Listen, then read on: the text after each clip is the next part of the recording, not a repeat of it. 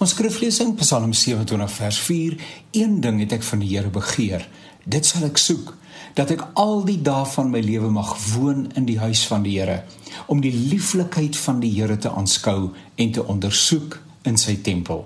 Dis die ou vertaling, die 83 vertaling sê net een ding het ek van die Here gevra. En dit sal ek najag dat ek my hele lewe lank in sy huis mag woon om sy goedheid te belewe en daaroor na te dink in sy tempel. Dit is vir my sommer baie lekker om hier aan die begin van 'n nuwe jaar saam met jou te mag kuier rondom die woord van die Here. Mag ek van hierdie geleentheid gebruik maak om vir jou 'n baie besondere jaar toe te wens. Mag jou drome bewaarheid word, geluk en seën, goeie gesondheid en 'n besondere bewustheid van die Here se teenwoordigheid in jou lewe deel van jou ervaring wees. Ek wil graag gedurende hierdie week met jou kuier rondom 'n interessante frase een ding of net een ding. Daar's 'n hele paar verse in die Bybel waar hierdie frase voorkom. Die sake wat in die orde kom is uiteraard verskillend. Kom ons kyk wat ons in hierdie week kan leer. Die teksvers vir vandag is Psalm 27 vers 4.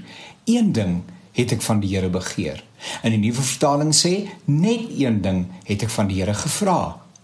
Uiteraard wonder 'n mens wat dit is wat die psalmdigter van die Here vra en in watter mate dit verteenwoordigend mag wees van ons eie lewens.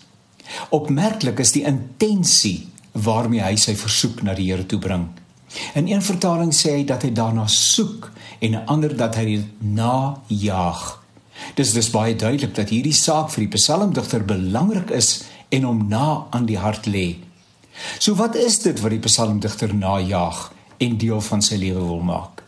Uiteraard kan die frase dat ek met my hele lewe in u huis mag woon nie beteken dat 'n mens jou intrek neem in die kerkgebou nie om dit nou maar 'n moderne uh kategorie te plaas nie.